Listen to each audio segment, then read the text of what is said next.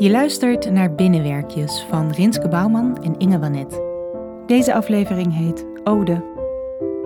Dit binnenwerkje kun je overal in huis luisteren. Ben je er klaar voor? Daar gaan we.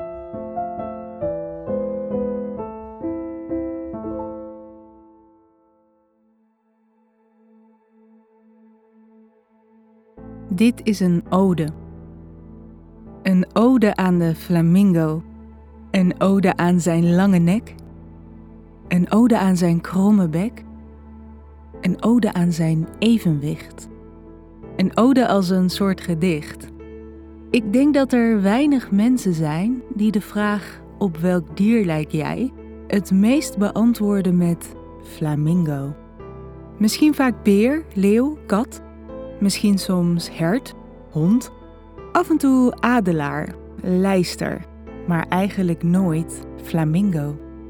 Ik denk dat er weinig mensen zijn die weten hoe fantastisch de flamingo is. Ten eerste, de naam. Noem één ander dier waarvan de naam ook zomaar zowel een stadje, een rockband, een kledingmerk, een drankje, een soort dans als een ziekte zou kunnen betekenen. Ten tweede, de kleur. Hoe meer algen ze eten, hoe meer beta-carotene, hoe dieper roze ze worden. Ze eten zichzelf fabulous.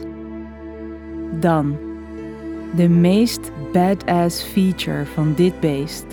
De party trick van de dierenwereld. Het feitje waarbij zelfs de wombat, die vierkantjes poept, verbleekt. De flamingo kan kokend water drinken. Ja, echt. Ze wonen vaak op plekken waar de zoutconcentratie in het water ontzettend hoog is. De enige bron van zoetig water zijn de kokende gijzers. Daar drinken ze dan. Een soort bloedhete thee. Genieten ze van. Er zijn meer plastic flamingo's in Amerika dan echte.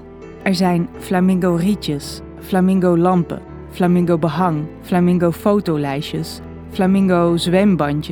Er is een gin die heet Flamingo Tears.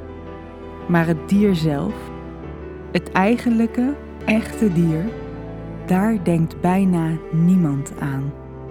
De volgende keer dat jij je met een dier vergelijkt, denk dan eens aan de flamingo.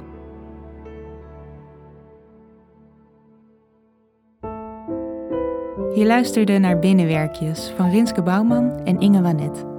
Thijs vroeg op maakte onze binnenwerkjes tune. Muziek in deze aflevering is van Vortex. Vond je het mooi en wil je ons supporten? Ga dan naar www.ingewanet.nl/binnenwerkjes.